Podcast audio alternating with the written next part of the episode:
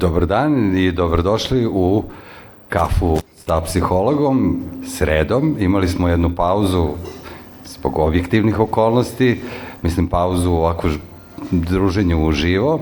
Danas je nešto manji broj ljudi ovde sa nama i to je u skladu sa propisima, ali e, očekujemo mnogo veći broj ljudi koji će videti ovaj naš razgovor, a današnja tema je vrlo zanimljiva jer se tiče praktično naše realnosti ili nečega što se naziva nova normalnost. E, današnja kafa ima temu, onako zvanično se kaže, e, pažljivim odabirom prioriteta do work and life balansa. E sad, e, kako izgleda taj pažljivi odabir prioriteta i kako se uspostavlja balans između tog privatnog i onog što nam je posao, u ovo doba pokušat ćemo da rasvetlimo i saznamo od naše gošće, Miona Živkovi-Vanišević, organizacioni psiholog, HR menadžer u kompaniji BDK Advokati. Dobrodošla. Dobar, hvala, samo da vidim da li radi dobro, funkcioniše. Sve radi, čujemo se.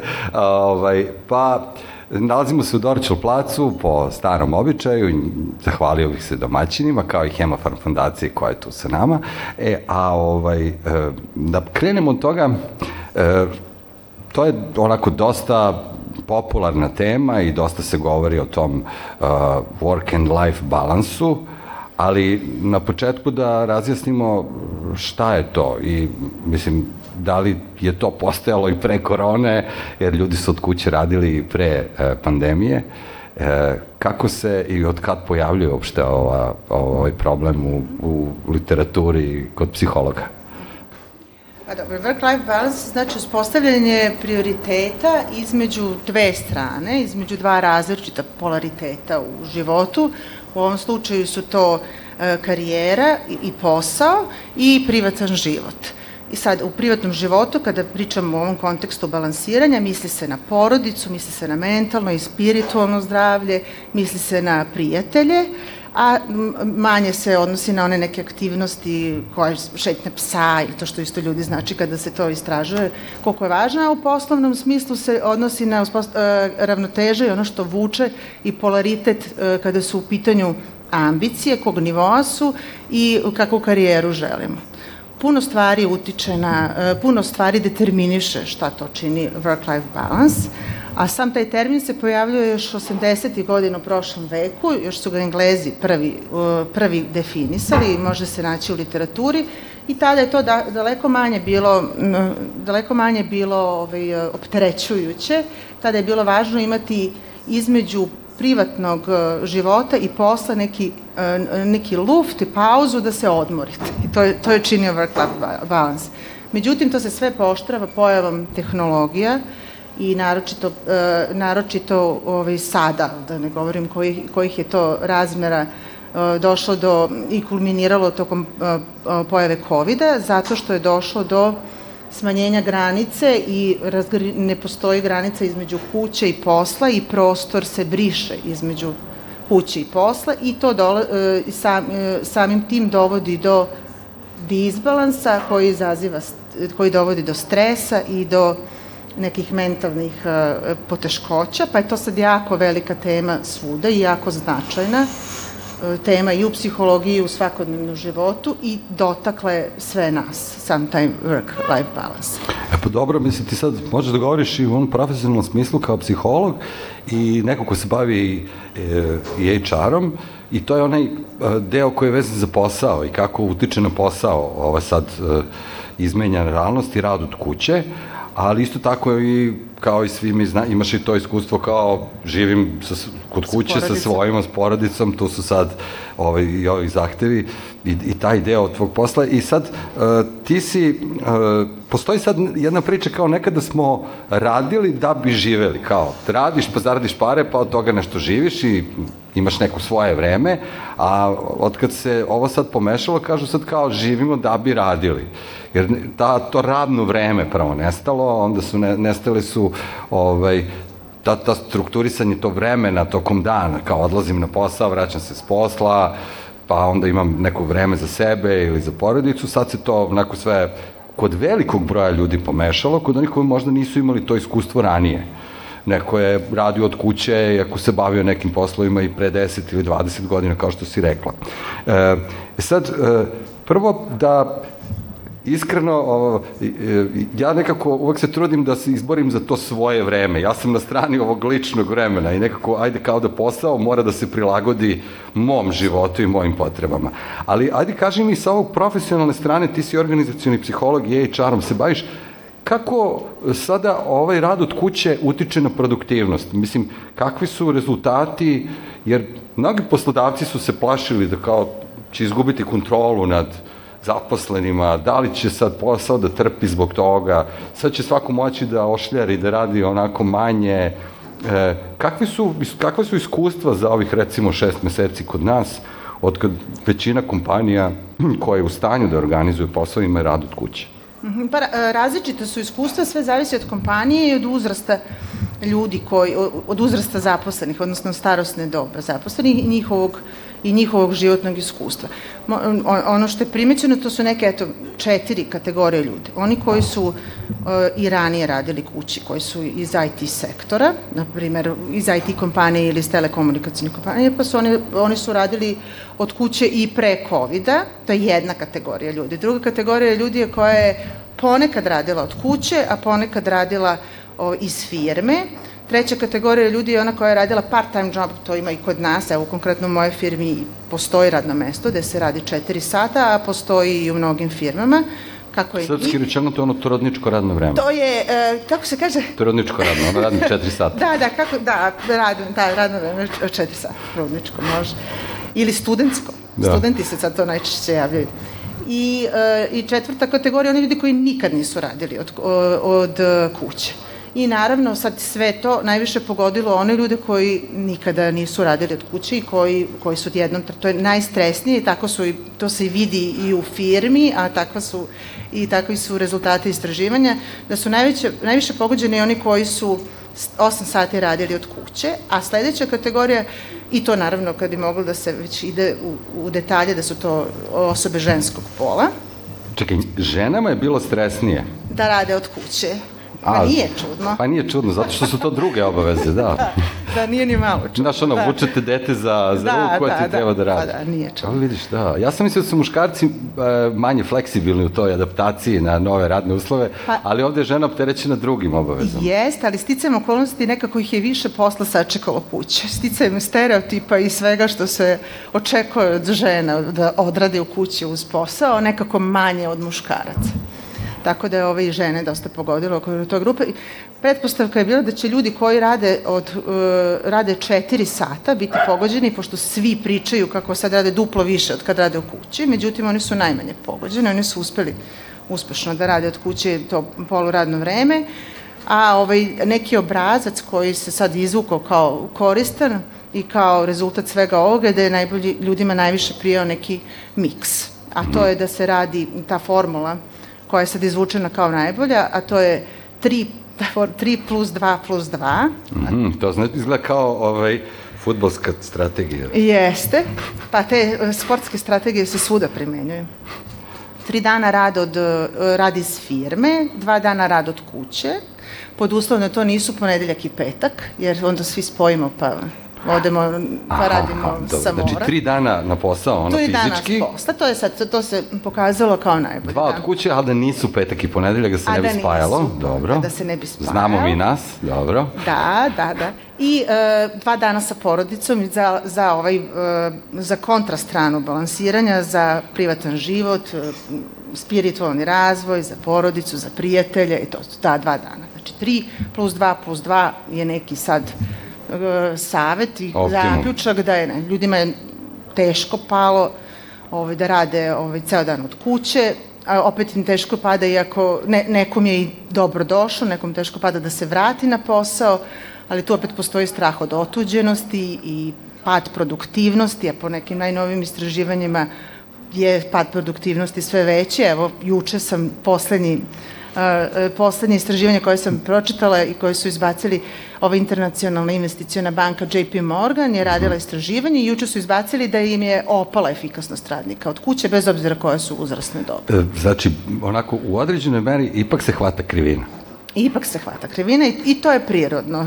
E, I to je prirodno i sve se sada menja. Mi sad smo stvarno u jednom uzbudljivom periodu potpune promene načina i rada i načina života. Sve ovo govorimo naravno da vas ne bi grizlo savest ako se prepoznate u nekom od ovih opisa koje nam Jera daje. A sad me jako zanima, e, pošto razgovaraš s ljudima, o, to je između ostalog tvoj posao, da. i razgovaraš o njihovim problemima, e, dok traže taj balans, šta je ono što najviše sme ili što najviše nekako na što se ljudi najviše žale u ovoj situaciji e, kada se radi od kuće ili se radi malo od kuće, malo se odlazi na posao, e, da li je to nedostatak socijalnog kontakta, dakle direktno saradnje s kolegama, mm. već se tu sad sve ipak radi preko platformi digitalne komunikacija, te beskrajni Zoom sastanci ili dopisivanja i tako dalje, da li im nedostaje taj odlazak na posao kao socijalni element u njihovom životu,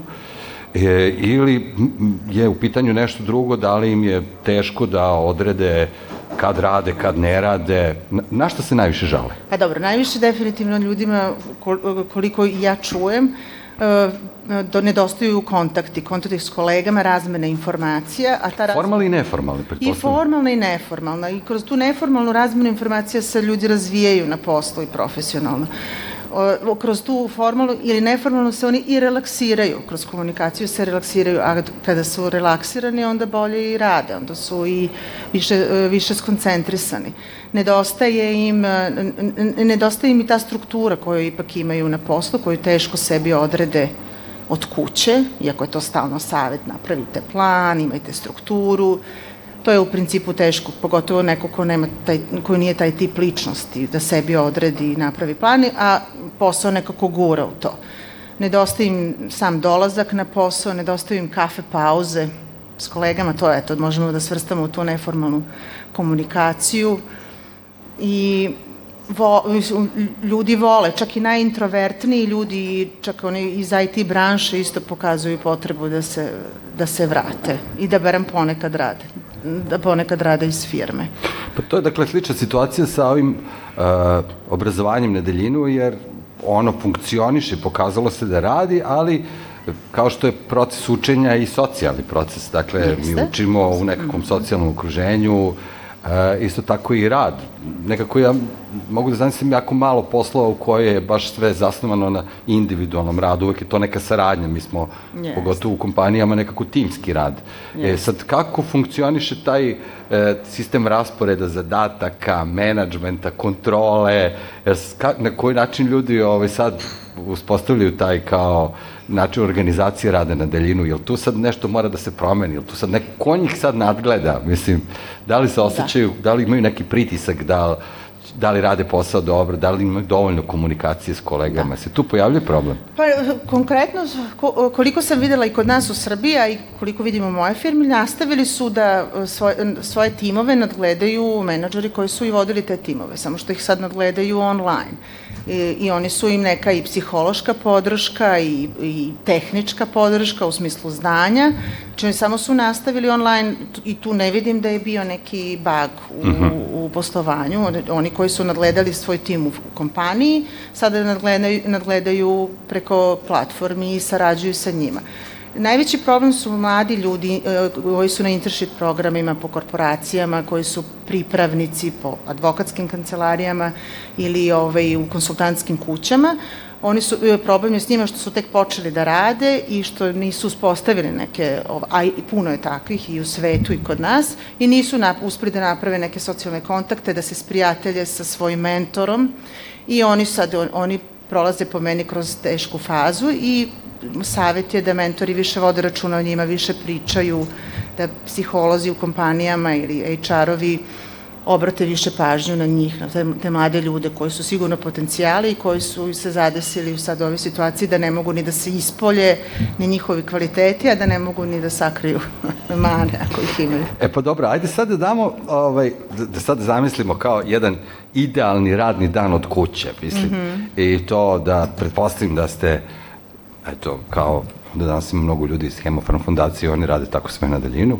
I sad ovako ti si kod kuće i sad danas ti u stvari radni dan, ali ti ne ideš na posao, ostaješ kod kuće, tu su dece koje ne idu u školu zato što je, ili su tu ili nisu tu.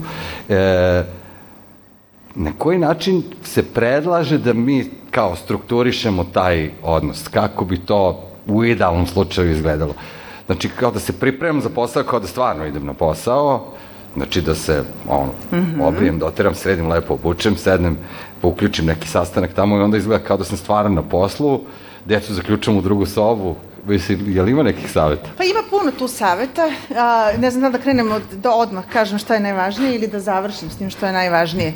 Pa savetuje se da se napravi plan, e, plan rada koji je sličan plan rada na poslu. Savetuje Aha, znači da recimo radno vreme počinje u 9, ako sam navikao da, da radimo pa 9. Pa ne mora, ili... mislim, to, to ne mora, tu ipak treba pratiti sebe, treba iskoristiti to što ste kući, ali otprilike da ima neki plan od 8 sati rada sa pauzom. Znači da se napravi neki plan aktivnosti, da se obavezno koriste pauze, da se planiraju i te pauze, ali sve ću reći, to je sve kako bi bilo super, ali ovaj, postoji savet psihologa na sve to, kako ne biste izgarali od kuće. Savetuju psihoterapeuti da i kada pravite pau, kada se prave pauze da se odlazi da se izađe na vazduh da, da se isključi telefon da se ne koriste socijalne mreže pa kada se vratite ove da radite uzvratite sve telefonske pozive i mailove tada i onda sam nedostupan da. Da da, i da se to najavi kolegama, kako ne biste sagoreli, po ceo dan samo bili na telefonu, da se, da se prošeta i udahne vazduh, da se ostvaruju, da se ostvaruju kontakti, to je, mislim da se, da se prave kontakti i ovaj, neki socijalni kontakti i tokom rada od kuće. I, znači i na distanci imati socijalne kontakte. Izvini, evo, dopunjujte, zato što sam pronašao jedan savet, e, klinika Maja je dala isto tako nekoliko aha. saveta i otprilike prate ovo o čemu govoriš, ali kaže, naučite da kažete ne. Jer da. a, postoji a, ta kao opasnost da vi samom činjenicom da ste kod kuće, a, onda se pretpostavlja da treba da budete neprekidno dostupni da. i da možete da radite i neke poslove koji možda i ne spadaju u vaš ovaj, ono, mm. neko uži opis rada, nego kao, ajde, ili možeš još i to, ili možeš još i to, i kao, ovo je prilika, ako ste imali možda frku da šefu kažete ne, sad je malo lakše jer si kao na distanci, pa to možeš da napišeš da. kroz poruku, kažeš, e, ne mogu stvarno, puko mi net, ili moram s decom da izađe napolje, ili završio sam svoj radni dan. Ali vrlo je zanimljivo da, da, kao, da on može da bude prilika da kažeš ne. Pa jeste, to, to treba da bude životni sta, savet za sve i u svim oblastima života, to reći ne, a da to bude pristojno, pristojno ne. Uh, ali jeste, jeste idealna prilika zato što su sad i šefovi tolerantni.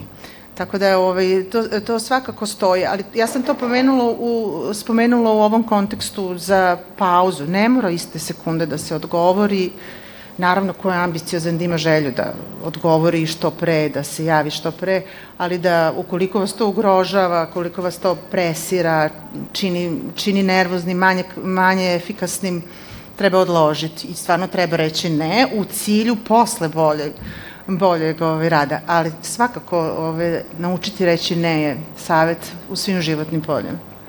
E sad kako, o, ako smo tako rasporedili svoj radni dan da imamo raspored obaveza mm -hmm. i mhm. pauze i e, kad se završi, kao što smo rekli, ono, završi se 8 sati posla i e, kak, kako u stvari završiti radni dan kad radiš od kuće? Da, i tu ima, tu ima saveti, ali nisam pojentirala, ali pojentirat ću posla za, za, za te savete. Savet je da nekako napravi, da se napravi granica između da se napravi granica između, ili proslaviti, između tog trenutka kada prelazite u life, a ne work, deo dana, da se on obeleži time što ćete se presvući, time što ćete popiti čašu nekog pića, time što ćete pojesti neki snack, neki, ne, nešto obeležiti, neki sitan ritual proslave da se završio taj da se završio dan. Ali vidite, svako, ljudi se jako različit, razlikuju i svako ima ra, različito reaguje na tu strukturu. E, ono što ja hoću da kažem i što je moja poruka je da, da mi e, treba da prilagodimo tu, tu strukturu sebi, a ne sebe da prilagođavamo toj strukturi koja nam je sad nametnuta, jer nećemo, ne, ne izgorećemo, nećemo, nećemo opstati. Tako da ako nekom odgovara da je ležeran ceo dan i da radi umesto 8 sati, 12 sati, ok da radi 12. Ako mu odgovara da je u trenerci, neka bude u trenerci ne treba sad čitati strogo te savete, ja obuci gore e, sako, dole šorc, nema veze, kad se završi dan idi pa se istušira i, i presvuci se u casual. Ne, ne, ako, kako ko se osjeća dobro, važno je da je u skladu sa sobom i da tu svoju strukturu, e, da, da sebi prelagodi tu strukturu koja mu je nametnuta činjenica. O, o, to znači da e, sad veliki broj ljudi koje sam sa kojima sam razgovarao tokom ovog perioda, pa i da perioda izolacije, kad nije ni moglo fizički, ono, bilo, ranije je bilo lako, radni dan se završao u šest, počinje policijski čas i kao, da. više se ne javljam na telefon, gubim net i više, znaš, moj radno vreme je završeno. Da. E, sad to sami nekako treba da sami sebi da, nekako da, da, da pravimo te, te ovaj, krajeve radnog dana. A, neko je iskoristio, primetio sam da postoji opasnost recimo od burnouta tokom ovog perioda, što mi je bilo jako čudno zato što sam nekako laički pomislio u prvom trenutku da se sad radi manje, da se sad, eto, kao što smo rekli, može malo i krivina da se uhvati.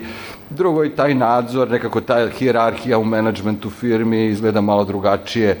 A da li onda burnout dolazi od toga što ti pokušaš da ispuniš sve zahteve i na privatnom i na poslovnom planu istovremeno. Upravo ti različiti polariteti dovode do, i, i, potreba da se zadovolje svi ti različiti polariteti dovode do, do burnouta. A sad znate kako, to, to sve zavisi i od uh, tipa ličnosti. Sad ovo sve se manifestovalo tako što su neki ljudi koji su inače tokom života bili jako odgovorni, savesni, puno radili, to je pojačano kod njih ovim radom od kuće, ovim obavezama i svime ovo što se dešava, ovaj, to je pojačano kod njih, pa oni postaju dodatno opterećeni, i dodatno, dodatno frustrirani da, da, da sve ostvare i druga kategorija ljudi, oni koji inače hvataju krivinu i oni koji inače ovaj, nemaju ambiciju da sve urade jednom danu, oni opet idu u, svoj ekstrem da, da to postra, da posao stavljaju sa strane I, I jedan i druga krajnost su tak, dovele do toga da to više ne može da funkcioniše. Ni onaj koji je jako odgovoran, ni onaj čovek koji je jako odgovoran, kao ni onaj čovek koji je uh, Ležerniji u poslu. I to dovodi do tog nekog, do te potpuno difuznog osjećanja koji vodi ljude i dovodi do rastrzanosti i do burnouta. Ta, različite, ta vrsta, različita vrsta reagovanja poje, o stvari pojačane ličnosti koje da, se ispoljavaju da, da. u... To je jedna krajnost i to je jedna vrsta reakcije koja se pojavljuje. Uh, A druga vrsta je takođe bila vidljiva i nju smo mogli da čujemo u razgovoru vrlo mhm. često i komentarima, to je e, jedno stanje, pa rekao bih sa nekim ono simptomima depresije, A to znači da nam se život pretvorio u neki dan mrmota, e, u jednu kašu u kojoj više ne može da se razabere šta je kao moj život, a šta mi je posao i to je ono ceo dan u trenerci da. ili u pidžami i prosto uh, ja sad više nemam ono, ne samo da nemam granicu između svog privatnog života i posla, nego ako tu dodate još anksioznost od korone mm. i ove situacije, Sve. manjak socijalnih kontakata, to onda izgleda kao neka indukovana depresija. Mislim, ove, onda to, to vidiš ljudi koji danima sede u kući, rade, ali nekako je sve to sa, nekakvim, sa nekom senkom depresije. I to je vrlo često sad, nažalost, to je baš rezultiralo time. Problem je u tome što ljudi, i bilo da su jako savesni, bilo da su, da su manje savesni, i ležerni, e, nekako ne, ne mogu da postave sebi granice, zato su se, zato se i desila ta difuzija svega i ovaj, razapetosti e, i sad je savet je tu postaviti granice, postaviti granice detetu, ukoliko je, ukoliko je osoba u porodici, postaviti granice, deci postaviti granicu kolegama, postaviti granice ljubimcima, kućnim, postaviti sve, svemu što nas okružuje, a to naravno nije lako. I pazite, to i ako se desi, a, ve, a jako često se dešava, treba prihvatiti da te osobe nisu jedine, nismo, nismo sami, može, ovaj, treba samo treba da su svesni, treba da potraže pomoć, da se dogovore s nekim od, bilo da su to psiholozi, psihijatri, stručna lica, da, da im pomogne da imaju neku podršku, da se vrate, da vrate svoje granice, ili oni kad se, da vrate granice koje o, su im potrebne da bi normalno funkcionisale. Dakle, ovo ja ohrabrujem javljanje psiholozima, psihijatrijama na taj, na, na, ovaj, na taj način da ih, ovaj, da ih podrže u, da ih podrže u postavljanju granica da, za normalno funkcionisanje, jer je potpuno normalno to što se desilo da su se, mislim, nije potpuno normalno, ali nisu sami, mnogima se desilo, ne samo u Srbiji, nego u celom svetu da su, da su ušli u tu indukovanu depresiju. Tako da ovaj, je, javljite se, tražite pomoć, nije, uopšte nije strašno, potpuno je ovaj, potpuno, kontekst vremena je takav da znači da ste normalni ako ako Tražite pomoć, da. Ako vam je sve u redu, da nešto nije u redu. da. A, da, sada o, postoje, ajde da dođemo sad na onaj deo o sitnom decom i, i porodicom. E, rekla si mi na početku, zanima me jako da su, da su žene bile pod većim opterećenjem da. u ovoj situaciji. A, kako zavisi od činjenice da li recimo neko živi sam ili ima porodicu, e, ovaj, ovo, stvaranje ovog balansa. Ako ste sami, onda vi praktično to je, to je neka, bila u jednom trenutku neka vrsta samoizolacije. Vi ste sebi morali da osmislite da. dan da. sa majkom kontakta, a potpuno drugačija problematika je ako je ono puna Zapravo. kuća i sad onda tu treba da se nekako napravi balans sa obavezama vezan za porodicu. Da. Ja ne znam kome, te, ja, ja imam utisak da je jednako teško palo i osobama koje su same, žene koje su same i koje u tom trenutku su bile potpuno izolaciji i onim ženama koje su imale jako puno obaveze i da spremaju hranu i da spremaju, da uče sa decom i da sve svoje neke porodične obaveze obavljaju i ovim ženama koje nisu, koje su imale samo da rade. Ja, mislim da je jednako, kad bi trebalo da se stavi na tas kome teže palo, da to ne bi moglo da se, ovaj, prosto bi bila diskriminacija reći teže je udatim ženama ili teže je ženama koje imaju decu u odnosu na ovim koje nije. Jer svaka vrsta statusa je nosila svoju teškoću. A uopšte ta izolacija se različito doživljava od, od starosne dobi. Mislim, i ceo taj disbalans se različito doživljava u zavisnosti od kom periodu života smo, u kom periodu karijere smo, kog smo pola, koliko energije imamo, koliko ovaj, smo ambiciozni, kakav nam je profil ličnosti. Sve to utiče kako će se praviti work-life balance ili kako će se doživeti krah tog work-life balance. E, sad me zanima nešto što je vezano za, uh, ajde da kažem, neke na, prioritete u životu koje postavljamo uh, i za razliku recimo od uh, zapadne hemisfere, da tako mm -hmm. kažem, gde je posao i ta profesionalna karijera važna stvar u životu, uh, ja imam utisak da je nama nekako posao uvek pod B, barem tako, tako mm -hmm. važi mišljenje na Balkanu, da je nama porodica i porodični odnosi visoko na listi prioriteta. Gubitak posla je kod nas mnogo manji odnosno više mhm. stres je u ekonomskom smislu, ali ne u identitetskom, jer ako ste nekaj sreli nekog u Engleskoj koji je ostao bez posla, on kao da je ostao bez identiteta. Ovaj, da li je uh, ove, ova, ova potraga za balansom uh, možda kako su reagovali ljudi koji su, recimo, u, žiži svoje karijere prekinuti u nekom svom naponu snage, ambiciozni ljudi, ljudi koji, ko, kojima je posao važan, jer njima možda teže bilo da sad, da se prilagode ovim uslovima ili tu nema ovaj, razlike. Jer ja moram da priznam da je meni vreme provedeno sa porodicom prijalo tokom izolacije, čak i u onom najgorem periodu ovaj, policijskog časa, očekivao sam da će možda biti nekih trzavica sa tinejdžerima u kući, međutim, nekako smo sad bili željni izgleda jedni drugih, pa se to nešto uklopilo i nije bilo dramatično. Mm -hmm. I ja to vreme pamtim kao neko lepo vreme, nekad mi sramota da kažem, da nije da sada želim da nas ponovo zatvaraju za vikend, ali to vreme je bilo nekako vreme za porodicu i prijelo mi je.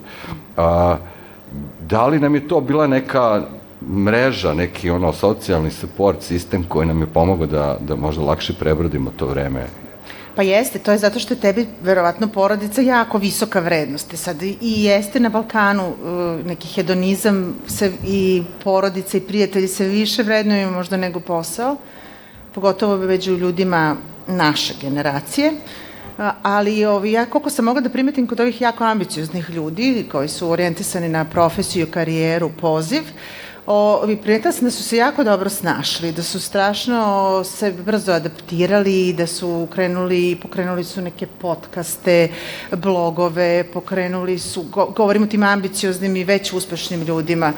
Uh, ako iz moje branše koleginice su krenule da, da volontiraju, pružaju pomoć drugima u edukativnom smislu, uh, jako su se lako prebacili na taj online vid, na online vid poslovanja i taj način komunikacije bez prestanka zato što je to njima vrednost. Sve zavisi šta je kome vrednost. Kome je bila vrednost porodica, taj, taj je uživao sa porodicom i uradio onoliko koliko je mogao za posao, a oni kojima je bila visoka vrednost karijera, jer su u tom uzrastu, u toj dobi životnoj, oni su se jako brzo adaptirali i snalazili u poslu. Tako da ja mislim to je da... dakle ipak odluka gde ćete investirati To je taj prioritet. Da. To je taj prioritet. E tu dolazimo do ove tvoje teorije o prioritetu. Da. U što jest, da se ulaže jest, energije. Jeste. Možeš to, to da nam objasniš?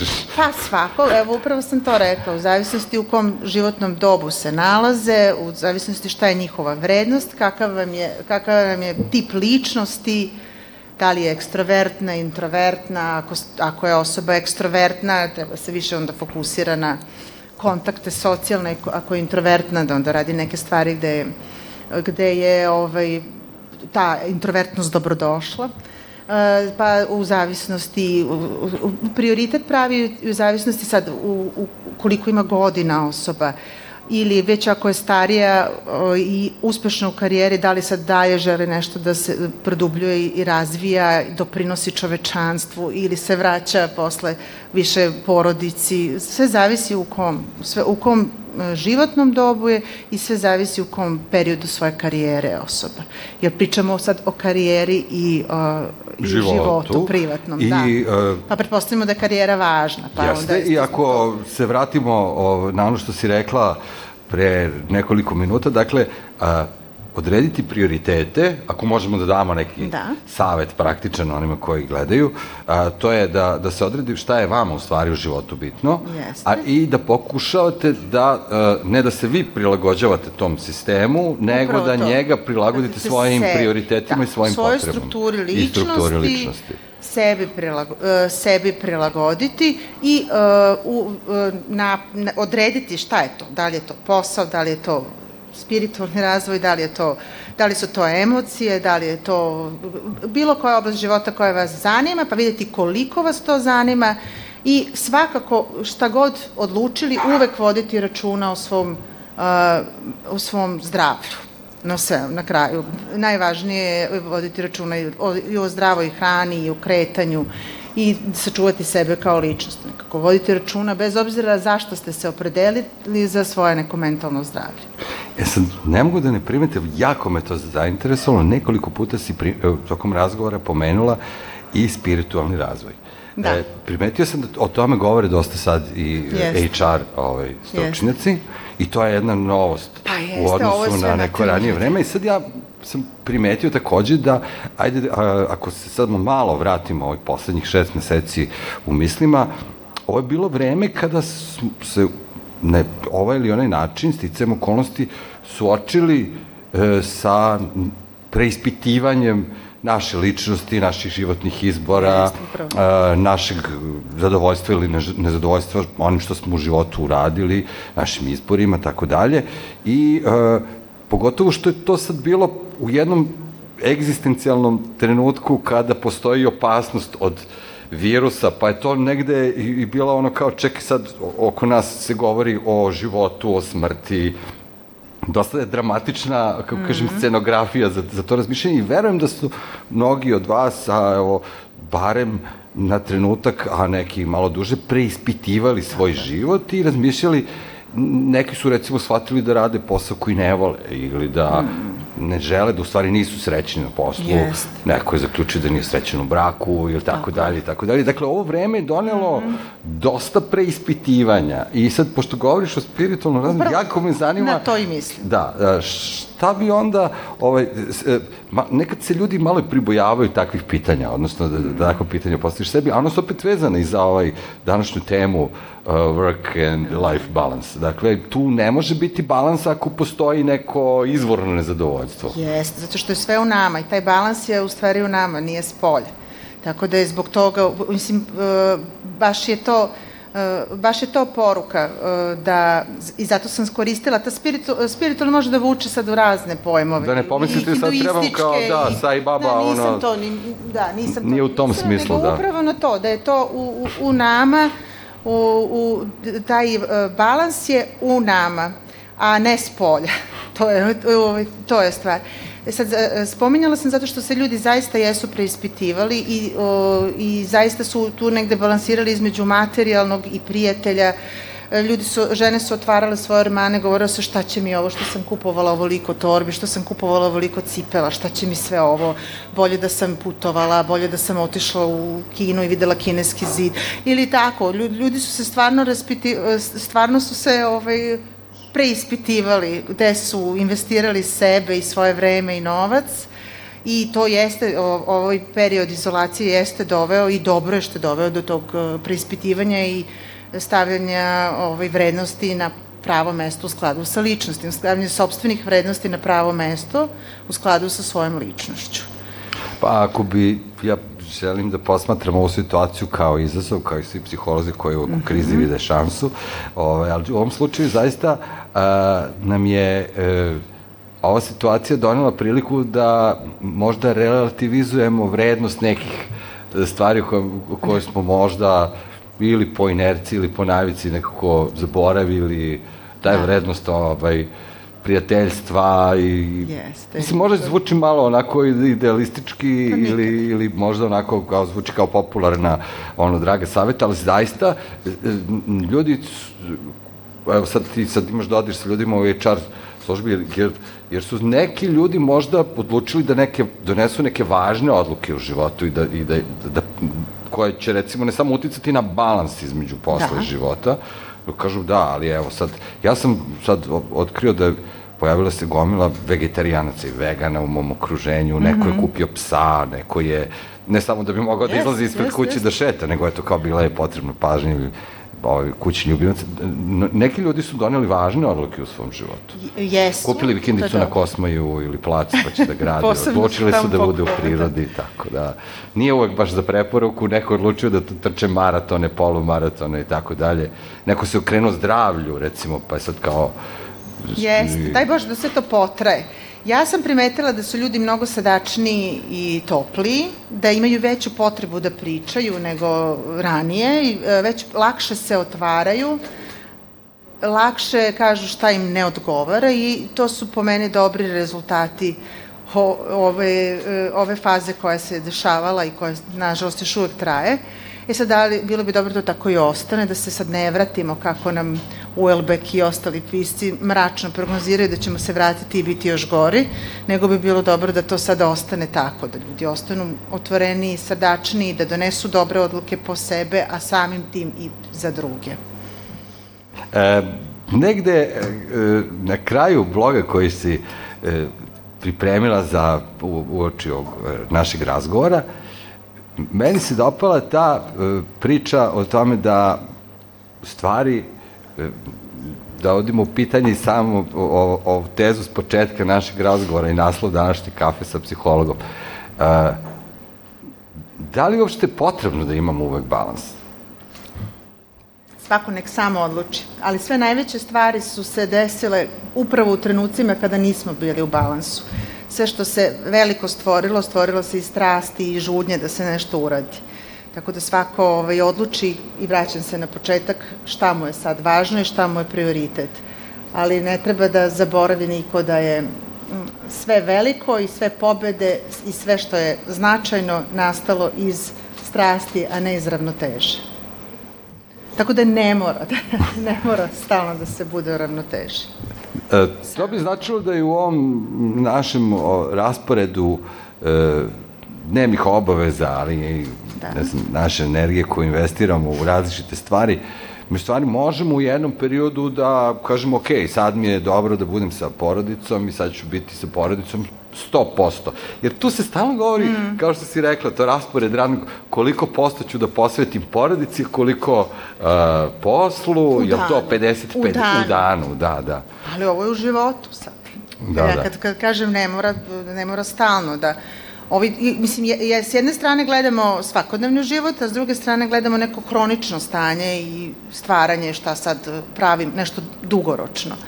I uh, ja nekako hoću da kažem da je sve okej okay. i ako niste u ravnoteži i ako ste u ravnoteži i ako ste postigli balans i ako niste postigli balans. To sam htela da kažem i sve je to ljudski. Ako niste u ravnoteži nešto vas vuče više, porodica vas više vuče, možda, možda ćete u tom pravcu napraviti mnogo više nego da ste sad pokušavali da nešto izbalansirate. Isto tako, ako vas vuče sad da stvarate nešto, da pišete, da pravite disertaciju, pa sigurno nećete moći da pišete doktorsku disertaciju, pa sigurno nećete moći za sad prekinute i pravite pauzu planiranu, nego će vas povući to dok ne završite misao ili rečenicu ili istraživanje i sve je okej okay, i biti u balansu i ne biti u balansu. E, sad nekako da tu zaokružimo ovaj, e,